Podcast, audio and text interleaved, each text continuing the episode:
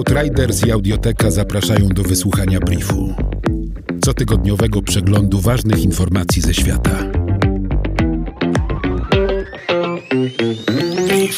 Zmiany klimatyczne doprowadziły do kryzysu zdrowia publicznego w Stanach Zjednoczonych. Rosnące temperatury powietrza wpływają negatywnie na organizm człowieka i mogą doprowadzić do udaru cieplnego, wyczerpania i stanów lękowych, zaburzenia funkcji poznawczych, pogorszenia objawów astmy i alergii, a także przedwczesnej śmierci z powodu chorób serca i płuc. Fale upałów zagrażają powszechnemu dostępowi do wody i bezpieczeństwu energetycznemu. Osoby starsze, dzieci, społeczności o niskich dochodach i ciemnym kolorze skóry są mniej odporne na zdrowotne skutki zmian klimatu, twierdzi Nilu Tumala, laryngolog współpracująca z George Washington University Medical Faculty Associates. W wyniku zmian klimatycznych coraz częściej pojawiają się następujące jedna po drugiej klęski żywiołowe i powodowane przez nie katastrofy przemysłowe. Ekstremalne zjawiska pogodowe będą pojawiać się częściej i szybciej niż systemy zarządzania kryzysowego są w stanie reagować. Huragan Laura, który w drugiej połowie sierpnia bieżącego roku uderzył w stany Teksas i Louisiana w USA, spowodował nie tylko potężne wiatry i deszcze, ale także pożar w fabryce chemicznej Biolab i wyciek chloru gazowego.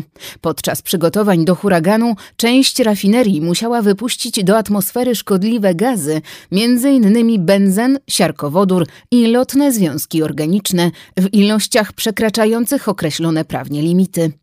Ponadto już po przejściu huraganu, podczas procedury ponownego uruchamiania, fabryki i rafinerie emitują do atmosfery ogromne ilości zanieczyszczeń.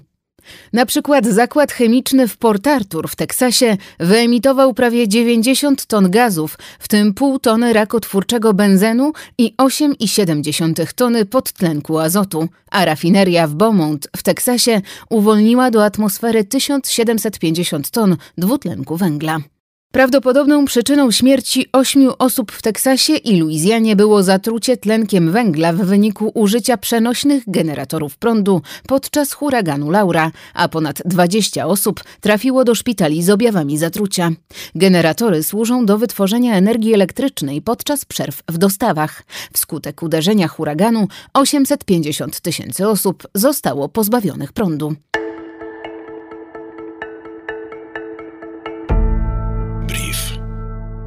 Wildbook to wprowadzone w Kenii oprogramowanie, które pomaga w śledzeniu pojedynczych zwierząt w populacji żyjącej na wolności przy użyciu ich cech charakterystycznych. Jednocześnie Wildbook angażuje wolontariuszy do robienia zdjęć, które następnie trafiają do bazy danych. W ten sposób automatycznie zlicza się liczbę przedstawicieli rzadkiej zebry pręgowanej. Na świecie żyje około 3000 tych zwierząt, z czego 95% w Kenii.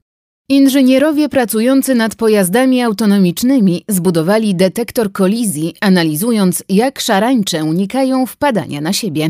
Owady te mają pojedynczy neuron, który pełni zadanie czujnika ruchu. Nowy fotodetektor na bazie siarczku molibdenu jest mały i zużywa niewielką ilość energii do wykonania określonego zadania. Wzrost liczby wielorybów wyrzuconych na brzeg może mieć związek z ćwiczeniami z użyciem sonarów wojskowych oraz badaniami sejsmicznymi podczas poszukiwania ropy naftowej w dnie morza. Sonary mogą powodować stresu zwierząt, ich zbyt szybkie wynurzenie i chorobę dekompresyjną. Na wybrzeżach północnej Europy doszło w ostatnim czasie do wyrzucenia na brzeg i utknięcia na mieliznach 29 wali dziobogłowych waleni z rodziny zyfiowatych. Większość z nich padła. Skrzydlice to gatunek inwazyjny w wodach przybrzeżnych południowo-wschodniego wybrzeża Stanów Zjednoczonych i Karaibów. Nie mają naturalnych wrogów w tym środowisku. W wyniku działań człowieka opuściły naturalny ekosystem Indo-Pacyfiku. Naukowcy opracowują nowe sposoby zmniejszania ich populacji i ochrony raw przybrzeżnych. Ma temu służyć na przykład konstrukcja składająca się z pułapki na homary, do której wpływa skrzydlica i siatki dookoła pułapki, która zamknie się po pociągnięciu jej w górę. Brief Outriders. Nowe wydanie co piątek do posłuchania na lekton.audio ukośnik brief. brief. Powtórki przez cały kolejny tydzień na Spotify i w Twojej aplikacji podcastowej. Brief.